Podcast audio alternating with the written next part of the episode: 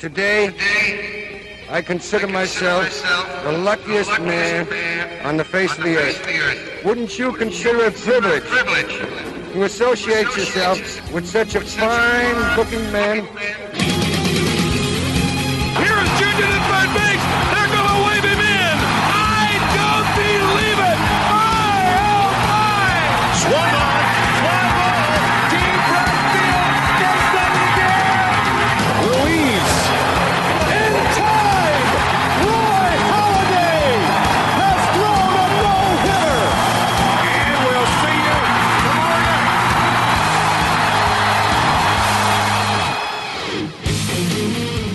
Hallo en welkom bij aflevering 7 van het tweede seizoen van de Just a Bit Outside podcast. De enige echte MLB-podcast van Nederland, waarbij we, ja, gelukkig in tegenstelling tot wat andere teams in de majors, het nog wel met elkaar kunnen vinden. En elkaar niet in elkaar willen slaan of fastballs richting elkaars hoofd willen gooien. Het scheelt allemaal. Dat gezegd hebben, mijn naam is Justin Kevenaar. En ik zit hier dus wederom samen met Jasper Roos Goedemiddag. en Mike van Dijk. Hoi. Ja, zoals ik zei het al, gelukkig zijn wij nog van speaking terms. Maar we gaan het straks dus nog hebben over de nou ja, zogeheten MLB Fight Club. Eh, eerst nog even over onze momenten van de week. Beginnen bij jou Jasper. Wat was jouw moment van de week?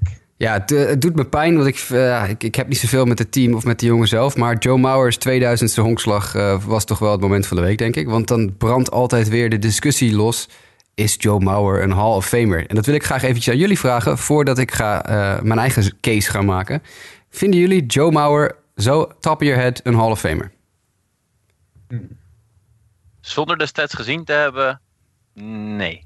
Maar dat is gevoel.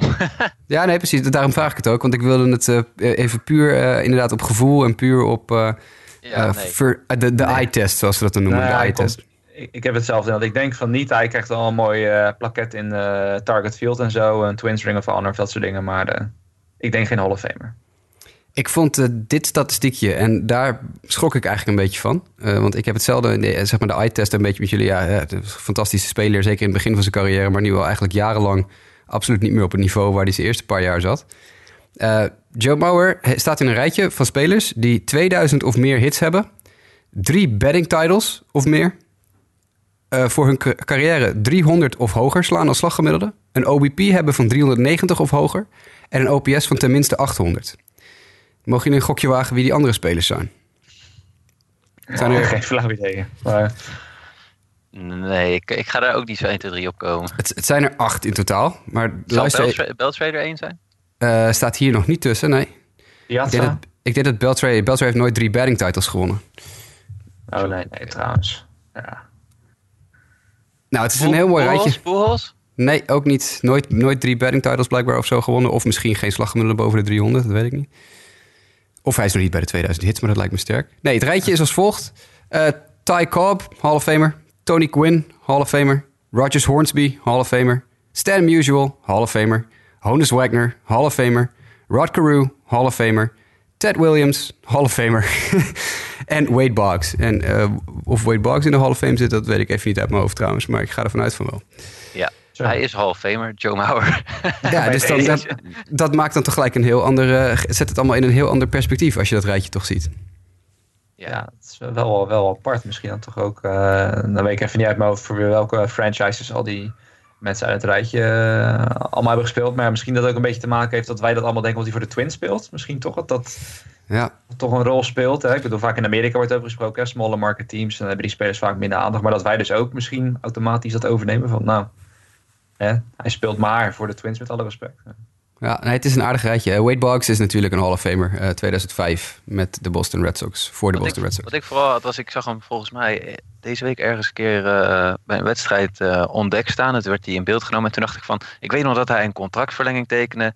En dat was echt een flinke contractverlenging. En iedereen had toen, is hij het waard ja of nee? En dan zie je hem zo ontdekt staan en denk je van, ja, aardige speler. Maar niet heel speciaal of zo op je Nee. gevoel. Dat is typisch die, dat gevoel dat ik had bij die eye-test. Maar als je deze cijfers dan hoort, ja, Joe Mauer, eh, legend. Ja, Dit, is, dit is een rijtje waar inderdaad heel weinig andere spelers eh, zich in kunnen bevinden. Dus eh, misschien moeten we toch nog maar eens even goed nadenken of Joe Mauer niet de Hall of Fame in moet. Ondanks de ja, vrij lullige einde uit zijn carrière. Want de laatste paar jaar is het natuurlijk niet om aan te gluren. Maar dat, blijkbaar was hij dusdanig goed. Ja, is veel geblesseerd geweest. Hij is al vrij snel van die catcherpositie afgemoeten natuurlijk. En, en Ja, dat, dat, dat maakte hem toch zeker in het begin van zijn carrière zo waardevol. Dat, die productie die je krijgt van een catcher, dat, dat vind je heel weinig in de, in de Major League. Maar goed, eh, Joe Mauer is misschien wel eh, ietsje beter dan ik dacht. Nou kijk, eh, van, van Joe Mauer gaan we naar, uh, naar waarschijnlijk een heel ander soort spelen, Mike. Want wat was jouw moment van de week? Ozzy Albies. Ja, zijn veldwerk gisteren, uh, was, we, hebben dit, we nemen dit zaterdag op, maar gisteren tegen de, tegen de Chicago Cubs. Dat was echt super om te zien. En vooral in de vierde inning met Kyle Schwarber aan slag voor de Cubs. Die slaat de bal ver naar het, de rechterkant van het infield. Eigenlijk zou je nog kunnen zeggen, misschien dat de eerste honkman een play erop heeft. Maar Albies staat zo ver. Uh, hij heeft echt zo'n zo'n rijkwijde dat hij nog echt die bal uh, helemaal aan het uiteinde van het infield eigenlijk weet te vangen en, uh, en de bal weet aan te gooien op het eerste honk. Het was echt, ik was echt super onder de indruk. Het was echt een hele mooie defensieve play. Als je die nog niet gezien hebt, moet je zeker even op gaan zoeken. Maar dat was mijn moment van de week. Stevig begin aan het seizoen hoor, voor Ozzy. Wel met zeker. Cool.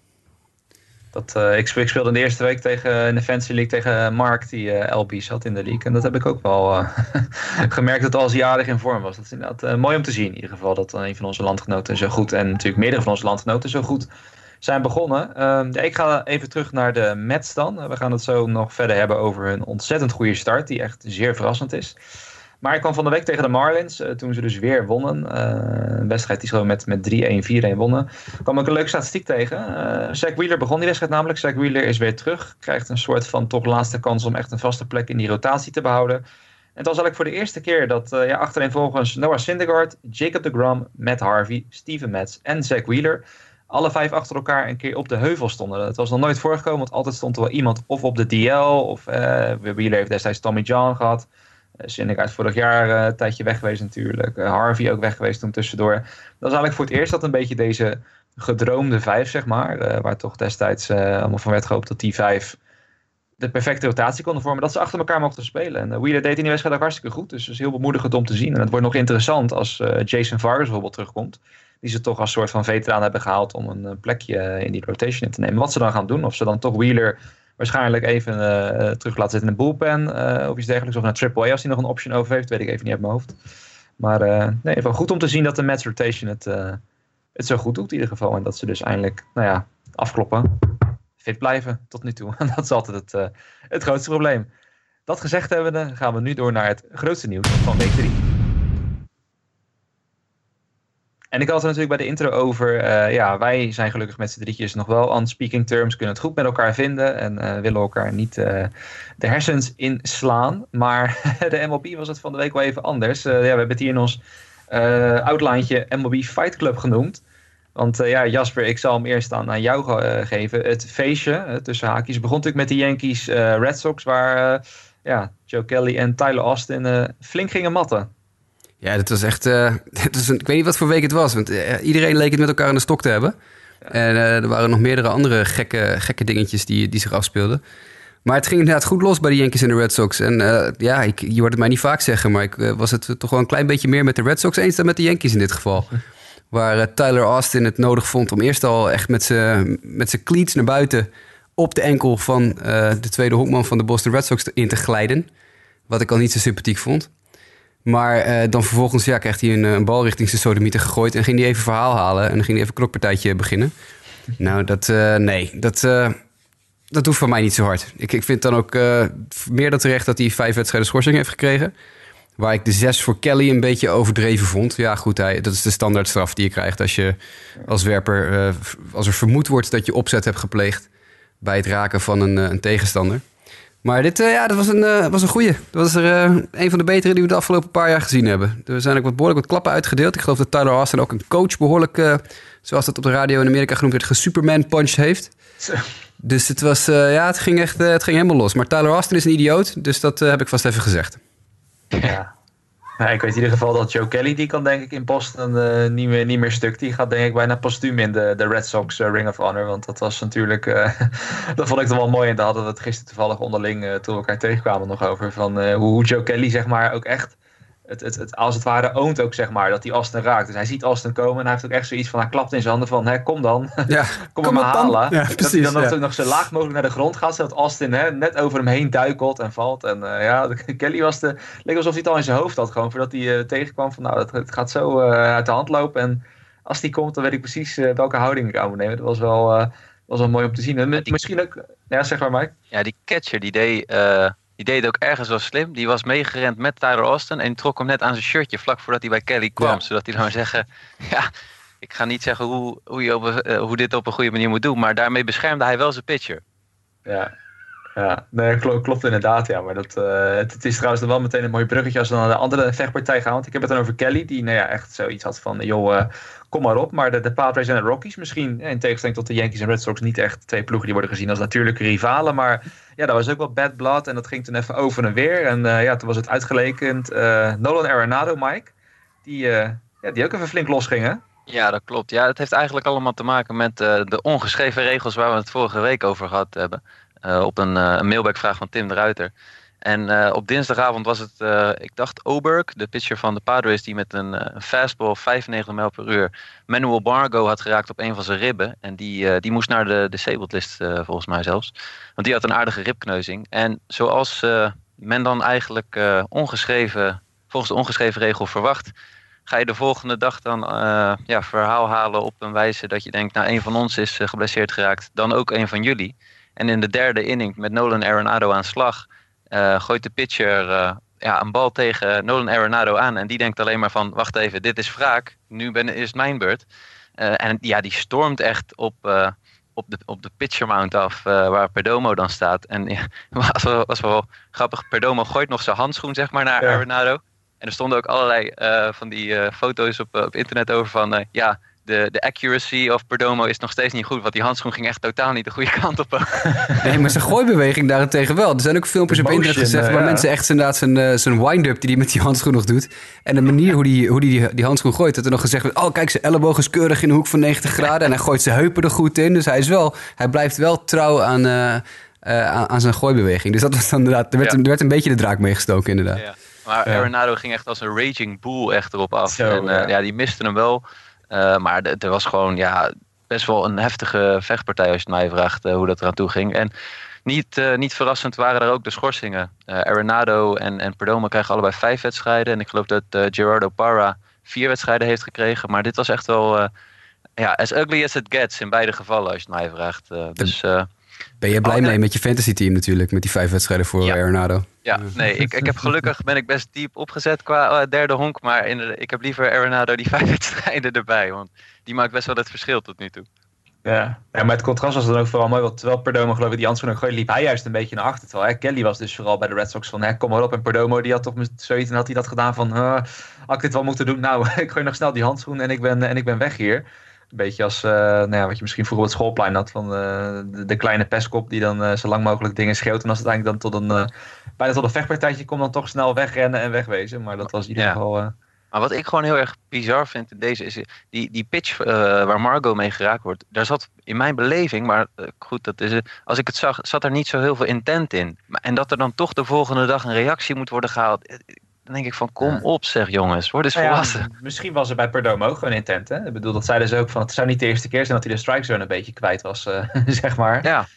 Uh, dus ja, misschien was het wij hem ook gewoon uh, niet opzettelijk. Nou ja, waarschijnlijk was het dat wel trouwens. Maar dat, dat, werd er ook nog gezegd door mensen om het soort van goed te praten. Van nou ja, het is just Louis Perdomo missing the strike zone again. Maar ja, het is, het is wat je zegt. Inderdaad weer een van die ongeschreven wetten die dan toch weer, toch weer terugkomt. En het laat in ieder geval wat als spektakel. Ik bedoel, ja, als kijker is het toch wel het was een bizarre avond, want het was op dezelfde avond. Het was echt. Uh, ja. Precies, mensen die zeggen dat honkbal saai is. Hè? Omdat uh, dat bijvoorbeeld bij sport als ijshockey en voetbal wel harde tik worden uitgedeeld. Nou ja, die, uh, bij het honkbal kan je dus zo af en toe ook goed terecht als dat je helemaal je ding is wat dat betreft. Uh, iets heel anders dan kort, uh, wat we hier tussen hadden staan. We hebben het vorig jaar ook wel eens erover gehad. Hè? Online streamingdiensten, ook uh, mogelijk om bijvoorbeeld sport als MLB of iets dergelijks te kijken. ik heb me hier zelf niet, niet ingelezen, maar ESPN Plus, Mike. Dat dat jij het erin had gezet. wat houdt er precies in, ESPN Plus? Uh, dan ga ik hem even samen ook met, uh, met Jasper bespreken. Maar uh, eh, ESPN Plus is eigenlijk de online streamingdienst waar we het vorig jaar ook kort over hebben gehad in, in de podcast. die gereleased is door ESPN. En ze bieden eigenlijk verschillende sporten aan via, via deze streamingdienst. ik geloof dat ze afgelopen donderdag Giants Padres live hebben uitgezonden. En er zit ook wat MLS bij, wat NCAA. Dus het is een vrij divers aanbod. Ehm, maar ik weet niet eigenlijk of het beschikbaar is voor uh, onze internationale gebruikers.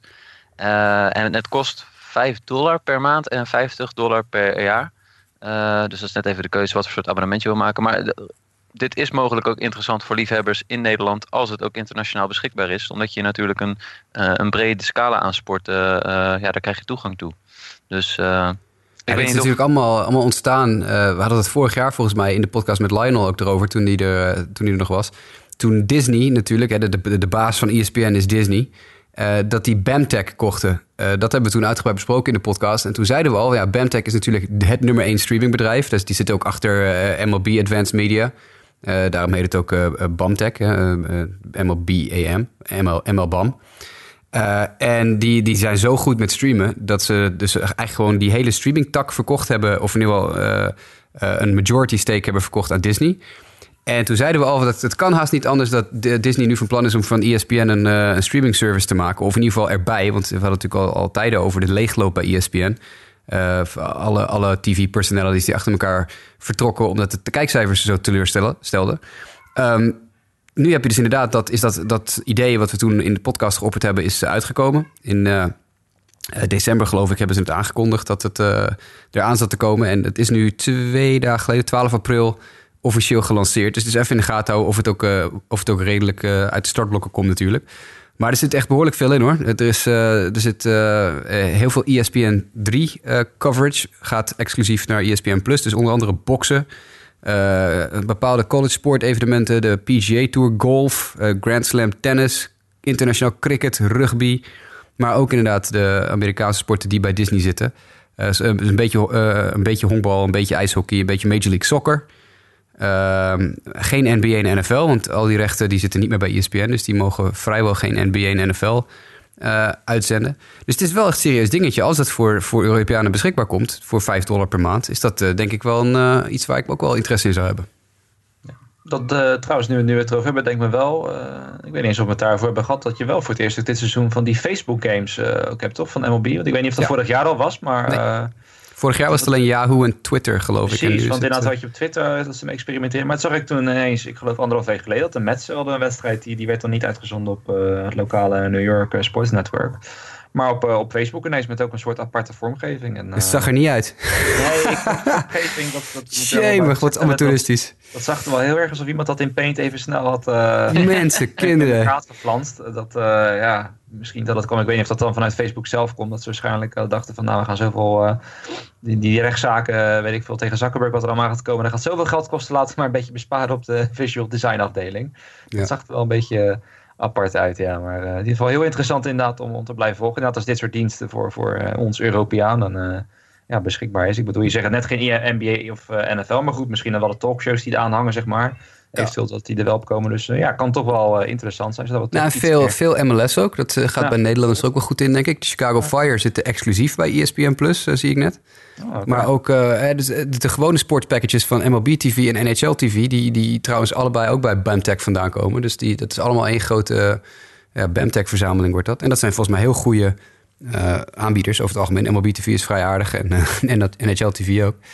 Dus ja, je krijgt alle documentaires, je krijgt alle, uh, alle uh, andere exclusieve ESPN-meuk. Dus ja, ik, ik zie het wel zitten. Ja, nee, voor wat, ja, wat ik zeg, interessant nieuws in ieder geval om te volgen. Gaan we even terug naar het, het veld, om het zo te zeggen. En we gaan naar de St. Louis Cardinals, want die kregen er van de week versterking bij. Of tenminste, versterking op papier. Want ja, Jasper, of Mike, ik zal jou geven. Greg Holland, natuurlijk de bekende closer vorig jaar nog bij de Rockies is naar de Cardinals gegaan. Alleen het gaat nog niet heel erg van harte. Hè? Nee, we hebben het er vorige week over gehad. Jij zei nog, ik twijfel aan de bullpen sterkte van de Cardinals. Toen zei ik, nou ja, Greg Holland komt eraan, dus dat komt goed. En uh, ja, in de, in de tiende inning in de wedstrijd tegen de Milwaukee Brewers met een 4-4 stand was daar het debuut van Greg Holland. En die gooide vier keer achtereenvolgens vier wijd. en ze verliezen met 5-4. Ja. Dat is een, uh, niet echt het debuut waar hij op gehoopt heeft. En, en zijn manager ook niet. Maar uh, ja, ik vond het wel in ieder geval even vermeldingswaardig hier. Dat de problemen van de bullpen van de Cardinals nog niet uh, vooropen zijn met de komst van Greg Holland. Nee, ik wil net zeggen, want ik geloof dat ze ook daarna nog, uh, terwijl ze toen Holland had, dat ze van de week geloof ik Bud Norris een wedstrijd hebben laten closen. Omdat dat een van de weinigen is momenteel met ene Jordan Hicks. eh, wat mij eerlijk gezegd niet heel veel zegt, moet ik bekennen. Oh, die gooit hard, man. Oh, nee, ik zit, ik, zit, ik zit net te kijken. Hij is 21 jaar, dus waarschijnlijk ken jij hem als prospect watcher misschien wel. Ja, Maar... ja, ja, maar die gozer die gooit dus het hardst van iedereen in de Major League op dit moment. Het is niet normaal. Die heeft een absurde, absurde fastball. Echt, ik geloof gemiddeld 101 mijl per uur of zo. Het slaat helemaal nergens op. Geweldig om te zien. Moet je gaan kijken, man. Oh, Dat is ja, echt- dat is appointment television. zeggen, want dat is dus een van, eigenlijk de enige, Bart Norris, die nog een soort van acceptabel ERA en eh, de whips en zo eh, hebben. Die nog eh, Oh, jongen. enige zekerheid bieden. Dus dat is, eh dat is mooi, mooi, want- voor ze. Die, die Hicks, even over die Jordan Hicks. Want nu, nu zitten we eventjes op mijn prospect dingetje. Die, eh, die, ik, ik neem het even over. Die eh, was in spring training met het idee van... nou ja, die mag gewoon een paar balletjes gooien. Een beetje zoals vaak wel die prospects een beetje mee mogen spelen. En die, die speelt dan wat wedstrijdjes op de, de backfields hier en daar. En na een paar weken moet hij weer naar de minors. En dat is prima. En dan gaat hij lekker verder ontwikkelen. Die gozer die gooide alles en iedereen helemaal zoek tijdens spring training. Die begon ergens op een minor league veldje achteraf. En toen stond, stond er een coach bij die zei... nou, deze gozer kan best wel hard gooien. Eh radar gun erbij. Nou ja, hij zit consequent boven de 100 mijl per uur. Dat is best leuk. Zullen we eens een keer voor de gein een niveautje hoger doen? Prima. Hup, niveautje hoger gedaan. En uiteindelijk heeft hij geloof de laatste twee, drie weken... bijna alleen maar op het hoogste niveau eh, in springtraining meegedaan. En dat is aan het eind van springtraining zoiets van... nou ja, dit, deze jongen kan het eigenlijk wel. Laat me komen. En dat is, echt fantastisch. Die jongen is net 21, man. Echt hilarisch. Nou ja, hij gooit in ieder geval een stuk beter dan, eh, dan, Greg Hunt, waar we net over hebben. Die momenteel, hij heeft nu 1,1 inning gegooid. En hij heeft sowieso nu 34 eh, walks per 9 innings. Nou, dat is natuurlijk wel iets wat hij denkt niet... eh, ik hoop niet dat dat zo blijft voor. Dan zou het wel heel erg treurig zijn. Maar eh, in ieder geval goed dat ze dus vervanging hebben wat dat betreft. Dan nog een laatste dingetje. Derek Jeter natuurlijk bekend nu eigenaar van de Marlins. Jasper. ehm, maar ja, bij de Marlins, het gaat nog steeds niet helemaal je van net. Zowel niet op als naast het veld. En daarnaast, Derek Jeter gaat naar New York, maar hij wil geloof ik niet naar de wedstrijden komen kijken. Ja, heel bizar. Ja, het gaat het loopt voor gemeten bij de Marlins. Er komt echt geen hond kijken naar die, naar die wedstrijden. En dan hebben we natuurlijk wel heel veel wedstrijden gezien de laatste anderhalf, twee weken... waar ineens echt maar 900 mensen in het stadion zaten of zo. Maar ja, dat is dan, als het dan rond het vriespunt is, nog wel te begrijpen. Hè? Dinsdagmiddag rond het vriespunt. Nou ja, dan heb je zoiets van, nou, daar zou ik ook niet gaan zitten. Maar in Miami is het toch over het algemeen best lekker weer. Dus je zou zeggen dat er toch wel animo voor moet zijn. Maar het loopt voor geen meter. En inderdaad, nu, eh, nu het team op een gegeven moment in New York speelt... heeft hij toch eh, aangegeven van, ik ga niet eh Yankee Stadium in. Vind ik heel opvallend. Ik weet niet waarom, als ik heel eerlijk ben. Nee, ik ook niet. Misschien dat eh, echte Yankee-fans ons zouden willen inlichten dat er misschien op een of andere manier dat we een soort roddel hebben gemist of zo. Dat het bad blood is tussen hem en... eh, Ja, of, of hij vindt het niet, eh, niet heel netjes dat hij natuurlijk heel erg toegejuicht wordt terwijl zijn team staat te spelen. Dat is misschien kan natuurlijk ook. Dat hij, Ja. dat hij een staande ovatie krijgt en dat hij, eh, dat hij het heel awkward vindt. Of hij is bang dat hij gewoon de kleedkamer van de Yankees binnenloopt, zich omkleedt en in één keer aan de slag staat Ja. tegen zijn eigen ploeg. Ja, maar zelfs dat, snap ik hem misschien wel. Dat hij misschien richting zijn team soort van eh, netjes wil doen. Van nee, ik wil niet dat de aandacht op ja. mij ligt. Maar aan de andere kant, ja, ik bedoel, je hebt een eenmaal gespeeld. Je bent een eenmaal een legende. Ik bedoel, dat, dat, dat snappen je spelers toch ook wel. Precies. Eh ik bedoel, ja, ik weet niet. Het is, het is in ieder geval al apart. Ik zou zeggen, je bent nu helemaal eigenaar van, eh, van Miami Marlins eh, geworden. Dus eh, ga dan ook maar gewoon zitten, zou ik zeggen. Dan tot slot het, eh, het nieuwsblokje. Uiteraard weer de, de zogeheten, het zogeheten DL-rijtje van, eh, van Mike van Dijk, het medisch bulletin. En ik weet dat de eerste naam eh, die je gaat noemen, dat zowel ik als Jasper daar wel vanochtend eh, ja, toch wel zachtjes om moesten huilen. San Diego Padre, Dinels van Lemmet. We branden Ja. een kaarsje. UCL tear. Dus eh, Tommy John surgery. Als ik, eh, als ik het goed begrepen heb. Ja. Ja, dus eh thoughts? Ja, dit is verschrikkelijk. Dit is, eh, dit is het einde natuurlijk van, eh, van mijn honkbalseizoen. Ik ga nooit meer een wedstrijd kijken. Want ik, nee, oké.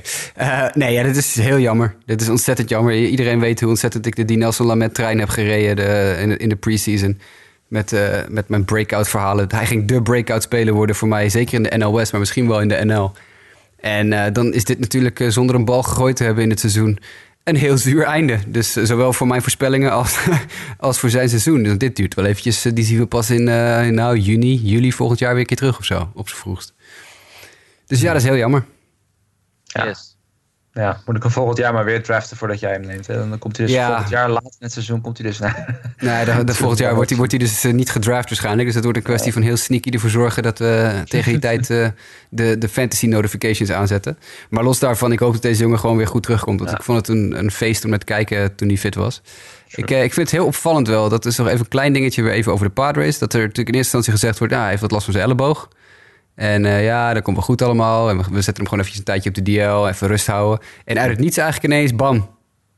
Oh, dit. Dat, dat moeten Ja. ze dus weken geleden ook al geweten hebben. Ik Ja, snap zo inderdaad. goed. Ik las gisteren nog een verslag inderdaad. En daar stond nog gewoon in eh, van... Hè, hij gooide weer vanaf een heuvel. Was hij weer een beetje een normale snelheid aan het gooien. En de vooruitzichten waren goed. En hij zou misschien voor eind april zelfs wel terug kunnen komen. Maar Ja, nou, dan zou hij dus of van, van de week bij het, warm, bij het, bij het, eh, het gooien tijdens de rehab of zo... zou hij de boel afgescheurd moeten hebben. Maar dan hebben de paders het ook verkeerd aangepakt. Want toen hebben ze hem veel te vroeg de heuvel opgestuurd. Want je kan natuurlijk best een beetje een traumaatje of een ontstekingje... of een, een klein scheurtje kan je op scans zien. Ja. En dat hebben ze dus blijkbaar volledig gemist. Dat vind ik wel weer heel slordig. ja. Verder nog eh, belangrijke namen, Mike, die we moeten gaan missen? Yes, nou Mark Melanson hebben we het eerder over gehad, de reliever van de San Francisco Giants. En die heeft nog steeds last eh, van zijn, eh, zijn pronator strain eh, issue. Hij heeft inmiddels een, een stamcelinjectie gehad en het is te hopen voor hem dat dat leidt tot verbetering en zijn terugkeer op het veld. Maar Jasper had al aangekondigd dat dit enige tijd zou gaan duren, deze blessure. Eh, Josh Donaldson, de derde honkman van de Toronto Blue Jays, heeft al sinds opening day last van een, een dead arm issue, zoals ze dat dan noemen. En die is geplaatst op de disabled list, de 10-day disabled list. Gras is groen, regen is nat, Josh Donaldson is geblesseerd. Oké, ja. Mooi woord. ja. Poëtisch. Ehm, dan gaan we naar Elvis Andrews. En dat, daar zit, eh, die heeft zijn, eh, eh, een, een breuk in zijn elleboog. Die is zes tot acht weken uitgeschakeld. En dat is dan ergens weer ja, goed nieuws, om maar zo te zeggen, eh, voor onze landgenoot Juriksen Profar. Want die krijgt waarschijnlijk nu wel wat meer speeltijd. Eh, denken jullie ook niet? Ja, denk het ook. Ik denk ook dat, het, eh, dat Justin en ik allebei een tweede kaarsje hebben gebrand. Want zowel Justin als ik hebben fantasy stakes in Elvis Andrews. Dus we hadden meerdere, meerdere blessurekaarsjes te branden. Maar je hebt helemaal gelijk, Mike. Ik denk dat Profar nu weer iets vaster een plekje eh, krijgt. Of het altijd korte stop gaat worden, weet ik niet. Maar hij krijgt in ieder geval weer de mogelijkheid om wat meer in en uit het team te roteren. En dan vooral in het team te roteren. Dus dat is in ieder geval wel gunstig. Dan kan hij even misschien wat langdurig laten zien dat hij ja, toch het niveau aan kan. Wat nog niet helemaal gelukt is. Yes, nou ja, los daarvan is het wel balen voor de Texas Rangers. Want Elvis Andrews was vorig seizoen heel sterk. En nu ook goed begonnen aan het seizoen. Eh, en dan gaan we naar de Mets. Want ja, wat is een, een, een, een medisch bulletin zonder nieuws over de Mets? En dit keer was het raak eh, op de catcherpositie, tweemaal. Travis d'Arnaud, eh, die heeft een kleine UCL-ter, als ik het eh, goed heb begrepen. En dus die is uitgeschakeld. En de andere catcher, Plawecki, heeft een breukje in zijn hand. Hoeft niet geopereerd te worden, maar is wel op de disabled list ook geplaatst. Dus dat is wel zonde voor de Mets. zeker aangezien ze zo goed gestart zijn. Twee blessures erbij. Klein lichtpuntje voor mij dan persoonlijk is dat Thomas Nido opgeroepen is voor de Mets. En ik vind Thomas Nido een heel leuke catcher prospect. Dus ik vind het ontzettend tof om hem in de majors te kunnen zien. Ja, hij gaat waarschijnlijk roleren met, eh, met José Lobaton, zoals het er nu naar, eh naar uitziet. De ervaren journeyman catcher, om het zo maar te noemen, die eh, inmiddels bij de Mets is terechtgekomen. En het is inderdaad, dat kan misschien wel een lichtpuntje zijn, want eerlijkheid gebied te zeggen dat zowel Darno als Plawecki nou niet echt in aanvallend opzicht in ieder geval eh, supergoed aan het seizoen waren begonnen. Het is natuurlijk dan nog maar de vraag in hoeverre het invloed heeft op de pitching en de pitchframing en dat soort dingen. Eh, maar aanvallend is het niet alsof Plawecki en Darno, ondanks dat het heel zonde is, nogmaals, eh, alsof ze onmisbare krachten waren. Dus wie weet. Eh, nou goed, ik ben uit van de prospect watchers en dat, dat soort dingen. Maar Jasper, als jij zegt dat Thomas Nido een naam is waarop we moeten letten, dan eh, hoop ik dat ten Nou, eerste. in 2016 wel, voor mij. Toen was hij echt supergoed. En toen stond hij ook ineens heel hoog op mijn prospect top 10.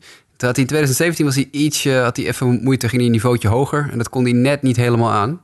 Maar ja, goed, als je het talent eenmaal gezien hebt, dan, eh, dan wil je dat ook wel een keer eh, op het hoogste niveau zien. Het, het talent heeft hij wel.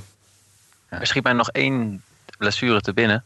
Eh, Jordan Zimmerman is deze week geraakt op zijn kaak met een 106 mijl per uur Ja. line drive eigenlijk. Ik weet niet of je het gezien. Ik vond het geen fijne beeld om te zien. Iedere keer als een pitcher geraakt wordt, eh, denk ik van hoe is het toch mogelijk dat dit zo vaak gebeurt.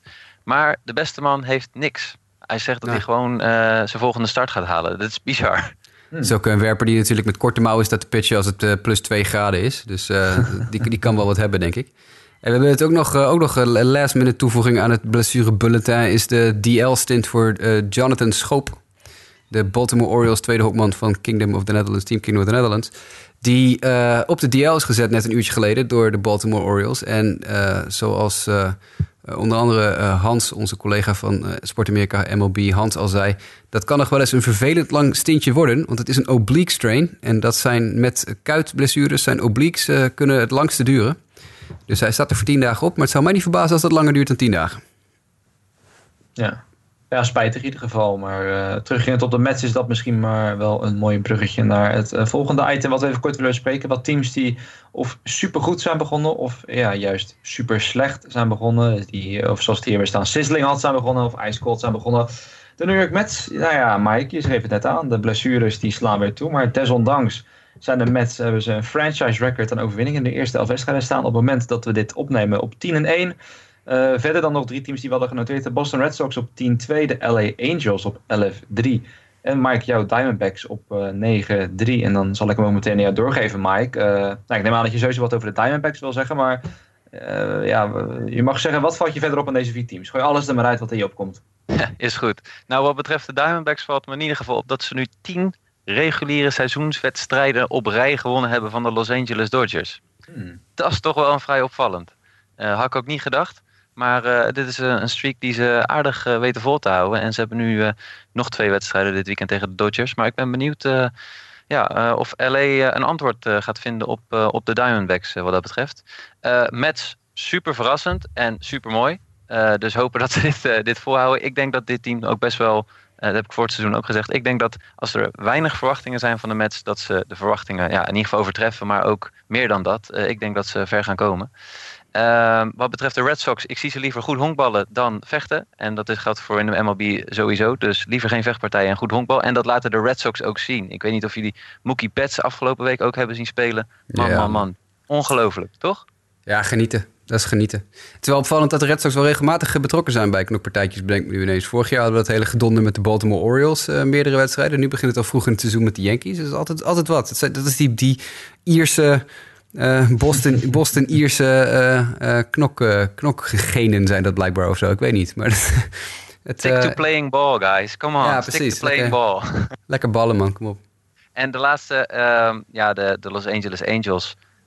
Shohei Otani. We kunnen, ja, het, ik weet het is een slechte, maar we kunnen een Zohei Otani momentje iedere week inplakken. Want deze week was hij ook weer best wel weer goed. zowel aan slag en vorige week zondag ook qua pitching. Uh, ik heb uh, steeds meer respect voor deze man. Uh, hij maakt het steeds meer de hype die om hem heen leeft waar. Ja, en met elke, elke geweldige 100 mijl per uur fastball of zieke splitter die hij gooit. ja, laat hij toch eigenlijk zien dat spring training nergens op slaat om eigenlijk maar op te letten. Want we waren allemaal helemaal in paniek. En mhm. dat is dus nergens voor nodig. Hey, even over de Mets. er zijn twee, vier, zes teams geweest in de geschiedenis van New Yorks honkbal die in seizoen 11 en 1 gestart zijn. Dat wil ik toch eventjes uh, in de groep gooien. Dat zijn de, de Giants, de New York Giants toen nog uit 1884 en 1918 en 1938. De Brooklyn Dodgers uit 1940 en 1955. En de Mets uit 2018. De Yankees hebben nooit zo'n goede seizoenstart gehad als de Mets dit seizoen hebben. Zo. Kijk eens aan. Dat is toch wel... En, en dat met uh, Adrian Gonzalez op zijn 36 stond onder andere. Ja, precies, en, uh, ja. ik, ik, ik vrees wel dat... geen stuiver meer gaven. Ja. ik vrees wel dat de, de, andere club uit New York dan zegt. En, en, en hoeveel titels hebben ze ermee gewonnen? Ja, precies. Dat is, uh, dat maar goed, dit is een leuk statje. Ik vond, het, ik vond het leuk om te zien. Zeker dat het zo lang geduurd heeft. Hè? Sinds, uh, wat was het, 1955 of zo. Dus niet meer. Is, is, is, er, is er dus geen New York team meer gelukt om 11 en 1 uh, te beginnen aan het seizoen. Dat is toch, nou, ze hebben toch best goede teams tussen gezeten. De Yankees uit de jaren 90, de Mets uit 86. Dat zijn toch allemaal best wel goede teams geweest. Dus ik ja, het is opvallend dat het zo lang zoveel eroverheen is gegaan. Tussen 1955 en 2018 dus niet meer uh, een New Yorks team 11 en 1 gestart. Ja. Nou, het, is, het is vooral, uh, we hebben het natuurlijk al vorige keer ook over gehad. Uh, wat vooral mooi om te zien is, is dat deze mensen, er is een soort strijd en, en passie. Kijk, en vaak is dat, hè, ik bedoel natuurlijk, elk team wil winnen. En elk team geeft, op tenminste moet je vanuit gaan, geeft alles om te winnen. maar ook van de week dus een wedstrijdje tegen de Marlins, wat ik zat te kijken. Ze komen achter, maar toch vinden ze dan weer een manier om, om te winnen. Dat doet me dan ergens een beetje denken aan eh, die Kansas City Royals teams van destijds. Uh, wat qua samenstelling dan licht anders. Maar echt van die teams die, als je op papier ernaar kijkt, denk je van ja, moi, uh, best, best oké. maar dat ze toch elke keer weer een manier te vinden om zich in wedstrijden terug te knokken. En om wedstrijden uit het vuur te slepen. Alleen wat voor de Mets natuurlijk wel spreekt. Als je het vergelijkt met die Royals teams van toen, is dat natuurlijk hun pitching wel tot dusver echt fenomenaal bezig is. De Gram, Syndergaard. Uh, Mets ook uh, in zijn laatste start voldoen gewoon aan wat er gevraagd wordt tot nu toe. Zelfs Wheeler laatste prima start. Uh, ala, het was tegen de Marlins, maar toch doet het ertoe met Harvey. Ondanks dat misschien zijn staf niet zeer indrukwekkend is. doet het nog gewoon prima. Dus ja, dat is in ieder geval heel goed om te zien. En wat me verder trouwens dan wel tussen de opviel. ander team dan de Angels.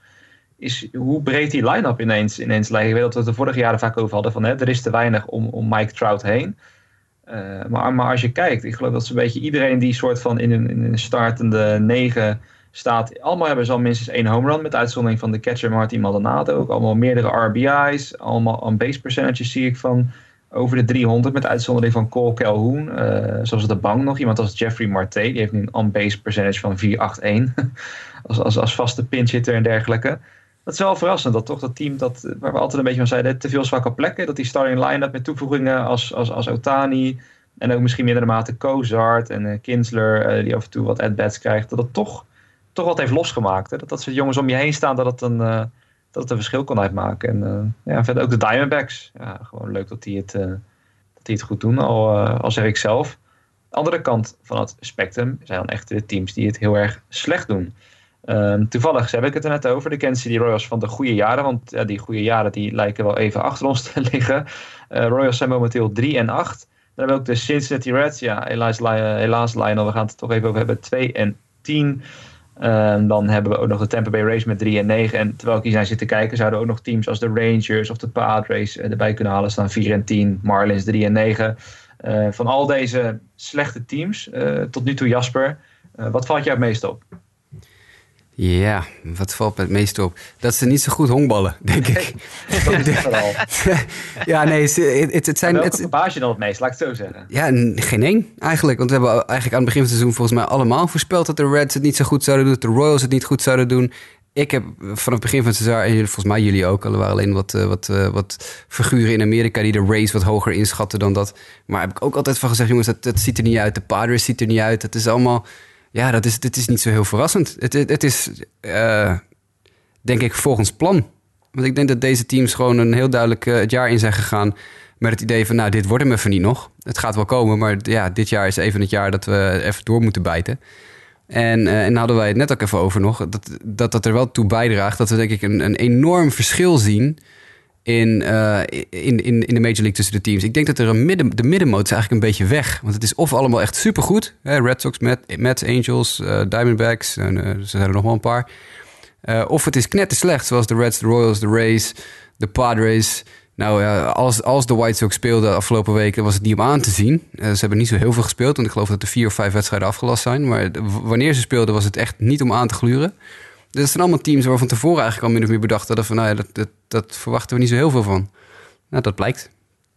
Ja. Nou, het is inderdaad, als je naar deze teams kijkt, ik ook de Texas Rangers, uh, ja, ik zijn niet, niet heel veel van verwacht. Het is alleen dan wel soort van jammer, moet ik zeggen. En dat is niet alleen vanwege Lionel, maar toch ook met teams als de Padres en de Reds. Je hoopt dan toch na zoveel jaren dat er wel een keer wat, ja, wat, reden tot hoop is. Of dat er toch even wat, wat vooruitgang is. Om in ieder geval een beetje die, hè, zoals je bijvoorbeeld bij de Phillies nu een beetje ziet, hè, die staan 6 en 5.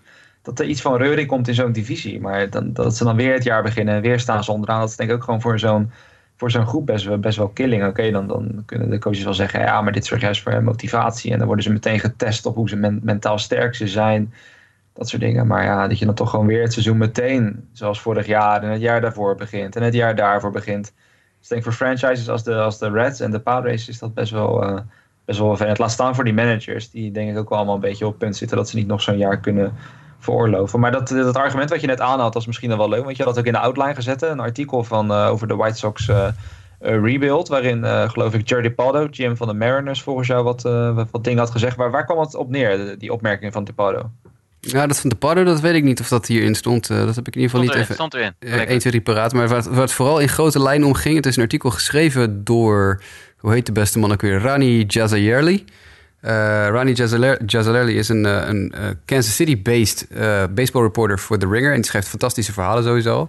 En die had een heel verhaal geschreven over het tanken... wat de, de, de, White Sox natuurlijk als een van de meerdere teams aan het doen zijn. Maar de titel van het artikel, titel van het artikel is... How the White Sox are trying to perfect tanking.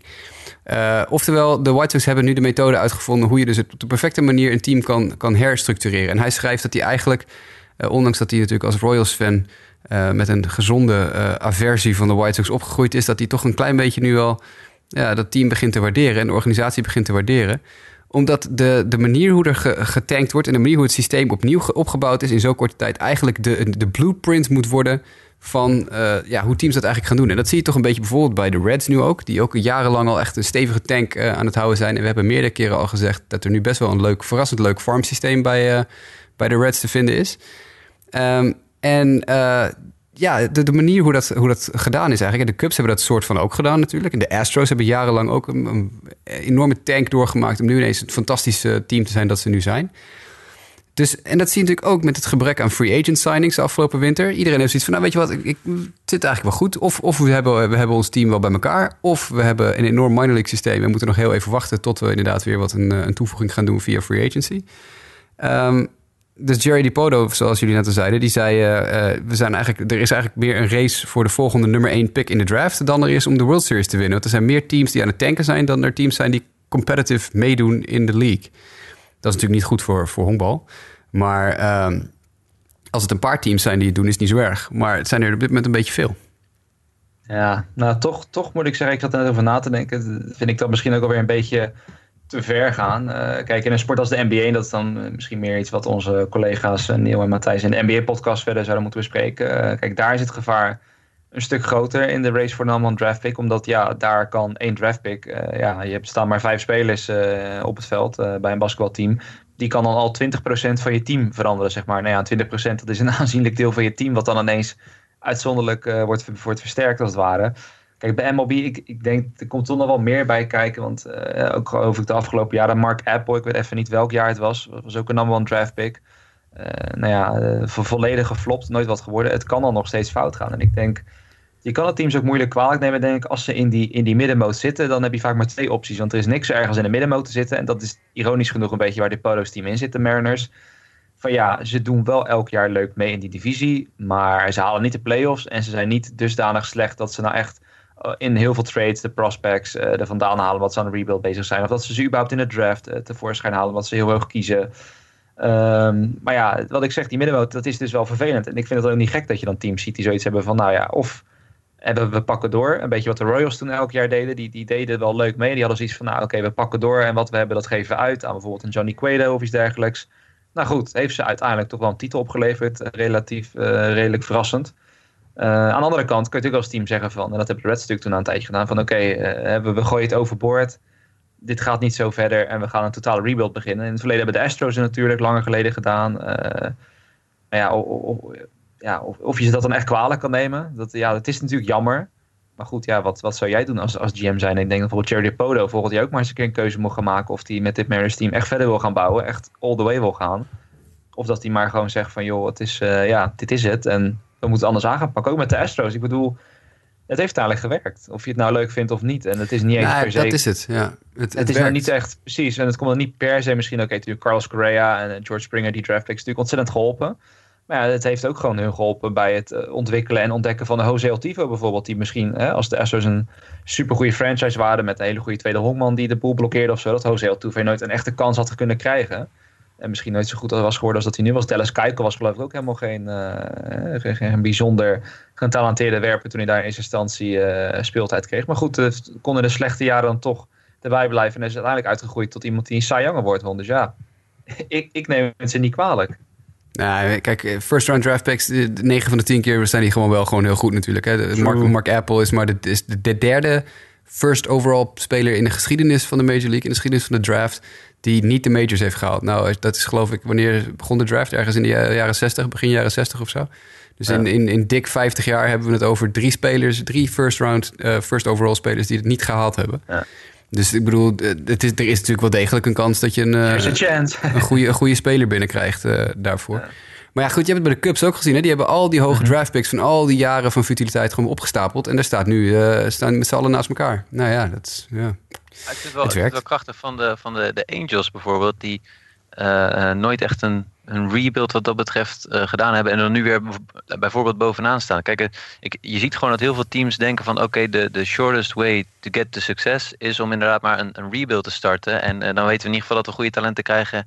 Maar als fan wil je gewoon dat eigenlijk je team ieder jaar competitief is. En, ja, dat en, kan niet. Nee, nee, dat klopt. Nou ja, er zijn teams die het laten zien dat ze redelijk structureel mee kunnen doen. Dan noem ik even Ja, de Cardinals, de Yankees dan noem ik eh, Boston. Ja, maar goed, ik bedoel, dat is structureel meedoen voor een playoff plek. Ja. Dat is natuurlijk wat je, waar je heen wil, maar niet, Ja. niet structureel meedoen voor een kampioenschap. Dus als je de laatste 15 jaar kijkt, hebben we, hebben we vrijwel alleen maar verschillende winnaars gehad. Met af en toe een, eh, een dubbele Giants eh, ergens in de twee jaar of drie jaar na elkaar. En, en, en hier en daar een, een verdwaalde Royals die twee keer achter elkaar in de World Series stonden. Maar voor de rest is het enorm vers- verschillend. Dus er is eigenlijk geen pijl op te trekken ook. En die Angels, dat is natuurlijk hartstikke leuk. Die hebben gewoon allemaal oude spelers toegevoegd aan het team nu. Allemaal, eh, eh, ja, relatief goedkope Short-term jongens. succes, ja. En, en dat is, die gaan nu gewoon duidelijk hebben gezegd... we willen met, eh, ehm, met Trout nog even een, een paar jaar vlammen. Nou ja, kan ik ze geen ongelijk in geven natuurlijk. Ja. Nou, dat, is wat, dat is wat ik net een beetje wilde zeggen. Als je dan tot die middenmoot behoort, kijk, en dat is dan misschien wat de Mariners wel tot op zekere hoogte hebben geprobeerd toen, hè, toen ze Cano binnenhaalden en later eh, Cruz eh, er weer bij hadden.